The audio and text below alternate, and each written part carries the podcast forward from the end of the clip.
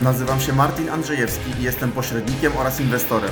Będę prezentował Ci treści z zakresu nieruchomości, inwestycji i biznesu. Przeszedłem ścieżkę od pracy na etacie do własnej działalności, a teraz dążę do pełnej wolności finansowej. Dzisiaj opowiemy sobie o tym, jak wyglądają podatki w nieruchomościach inwestycyjnych, a dokładniej w mieszkaniach na wynajem. Jest kilka sposobów na to, aby rozliczyć przychód z najmu. Sposób rozliczenia można zmienić co rok do 20 stycznia. I kolejna szansa będzie dopiero w styczniu kolejnego roku. Jeżeli jednak rozpoczynasz swoją działalność w środku roku kalendarzowego, w tym momencie masz czas do 20 dnia kolejnego miesiąca od pierwszego przychodu, który uzyskałeś. Na przykład, jeżeli w marcu masz pierwszego najemcę i do 10 marca otrzymujesz pierwszy przelew za czynsz, no to masz czas do 20 kwietnia, aby zadeklarować, w jaki sposób będziesz się rozliczał. Wyróżniamy trzy podstawowe sposoby, jak można się rozliczać. I pierwszy, najprostszy i chyba najczęściej spotykany jest to rozliczenie jako osoba prywatna. Oznacza to, że w jakiś sposób uzyskujesz przychody, z których na co dzień żyjesz, a przy okazji zdarzyło się, że masz mieszkanie, które wynajmujesz. Wewnątrz tego rozliczenia możemy rozróżnić jeszcze dwie podkategorie, ponieważ jako osoba prywatna możesz rozliczać się na ryczałcie lub według skali podatkowej. Ryczałt jest to stały procent, który liczymy od przychodu, czyli nie możesz tutaj rozliczyć sobie żadnych kosztów. Zawsze ten podatek będzie taki sam.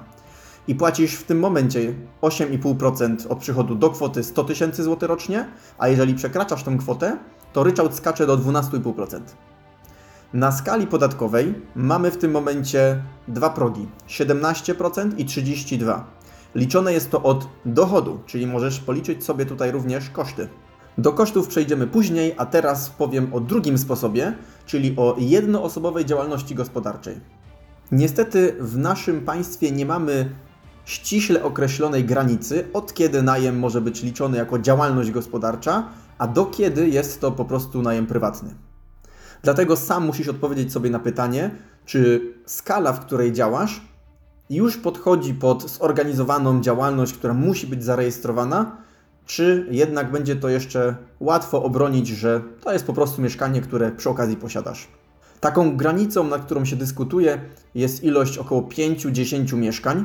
Przy tej ilości już często doradcy podatkowi zalecają, żeby w jakiś sposób założyć działalność gospodarczą lub spółkę. Jednak ilość mieszkań nie jest jednostką, która jest tutaj wyznacznikiem, ponieważ jeżeli posiadasz tylko dwa mieszkania, ale w każdym z nich masz 5 pokojów albo 10 łóżek, to skala tego najmu również prawdopodobnie zostanie uznana już za zorganizowaną działalność. Wewnątrz jednoosobowej działalności gospodarczej można również rozliczać się na skali podatkowej lub wybrać podatek liniowy. Skala podatkowa w jednoosobowej działalności gospodarczej jest identyczna jak przy najmie prywatnym, czyli 17 i 32 progi. Podatek liniowy jest stały niezależnie od dochodu 19%. W działalnościach gospodarczych na podatek liniowy warto przejść w momencie, kiedy nasz dochód przekracza około 100 tysięcy rocznie. W tym momencie warto zastanowić się nad tym, żeby od przyszłego roku do tego 20 stycznia zmienić sobie sposób rozliczenia. Trzecim sposobem są spółki i samych rodzajów spółek jest co najmniej kilka, a ten sposób rozliczenia jest stosowany w dosyć specyficznych przypadkach. To, jaki sposób rozliczenia wybierzesz, powinno być skorelowane z tym, jaki masz cel długoterminowy. I można tutaj wyróżnić kilka pytań, a odpowiedzi na te pytania powinny móc wskazać to, w którą stronę powinieneś pójść. Po pierwsze, czy chcesz zbudować zdolność kredytową?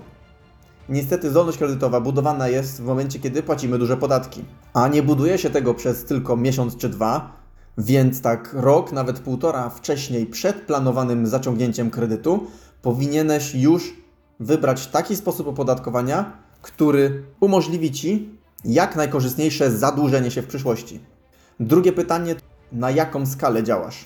Trzeba zachować tutaj zdrowy rozsądek i pamiętaj, że przy wartościach 5-10 mieszkań albo 5-10 najemców, interpretacja tego, czy jest to najem prywatny, czy już firmowy, leży w gestii tak naprawdę urzędu, do którego należysz. Trzecie pytanie to jak duże masz koszty?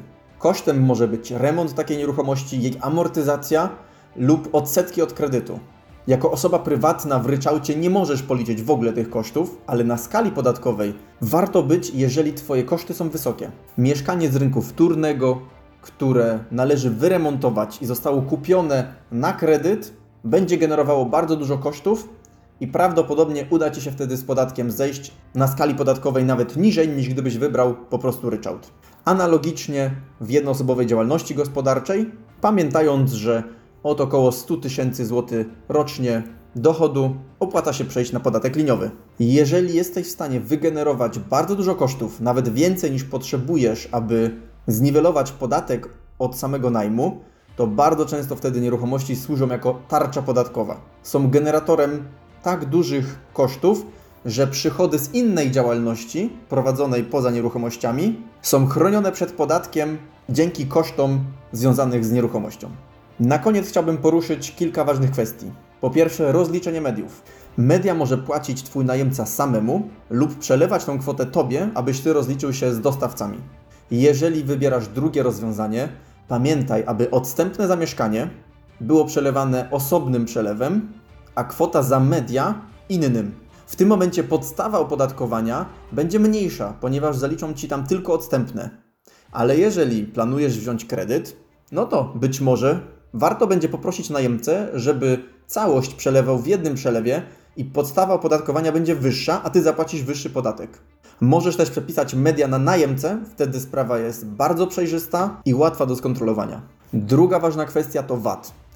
Najem zwyczajowo podchodzi pod stawkę 23% VAT-u. Jednak w większości przypadków można skorzystać ze zwolnienia, jeżeli wynajmujesz lokal mieszkalny wyłącznie na cele mieszkaniowe. Oznacza to, że w każdej umowie najmu warto, żeby zawrzeć zapis, że są to wyłącznie cele mieszkaniowe. To będzie dobrą ochroną przed VAT-em. Trzecia i ostatnia kwestia to kasa fiskalna. Z reguły, jeżeli Twoimi klientami są osoby prywatne, powinieneś mieć kasę fiskalną. Tutaj również można skorzystać z kilku zwolnień. Obrót powyżej 20 tysięcy złotych rocznie z tytułu najmu. To jest pierwsze zwolnienie.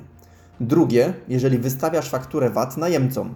I pamiętaj, że taką fakturę możesz wystawić nawet nie posiadając działalności gospodarczej, czyli w momencie, gdy rozliczasz się jako najem prywatny. Trzecie zwolnienie płatność całości na konto bankowe. I co ważne, wystarczy spełnić przynajmniej jeden z powyższych warunków, aby nie musieć posiadać kasy fiskalnej. I w moim odczuciu ten ostatni przelew na konto bankowe z dobrze opisanym tytułem przelewu jest tutaj najlepszym rozwiązaniem. Jeżeli chcesz dowiedzieć się więcej, polecam wszystkie wpisy i filmy Grzegorza Grabowskiego. Na podstawie jego wykładu powstał ten odcinek oraz wpis na moim blogu. To wszystko z mojej strony. Do zobaczenia, do usłyszenia. Dziękuję Ci za wysłuchanie tego odcinka.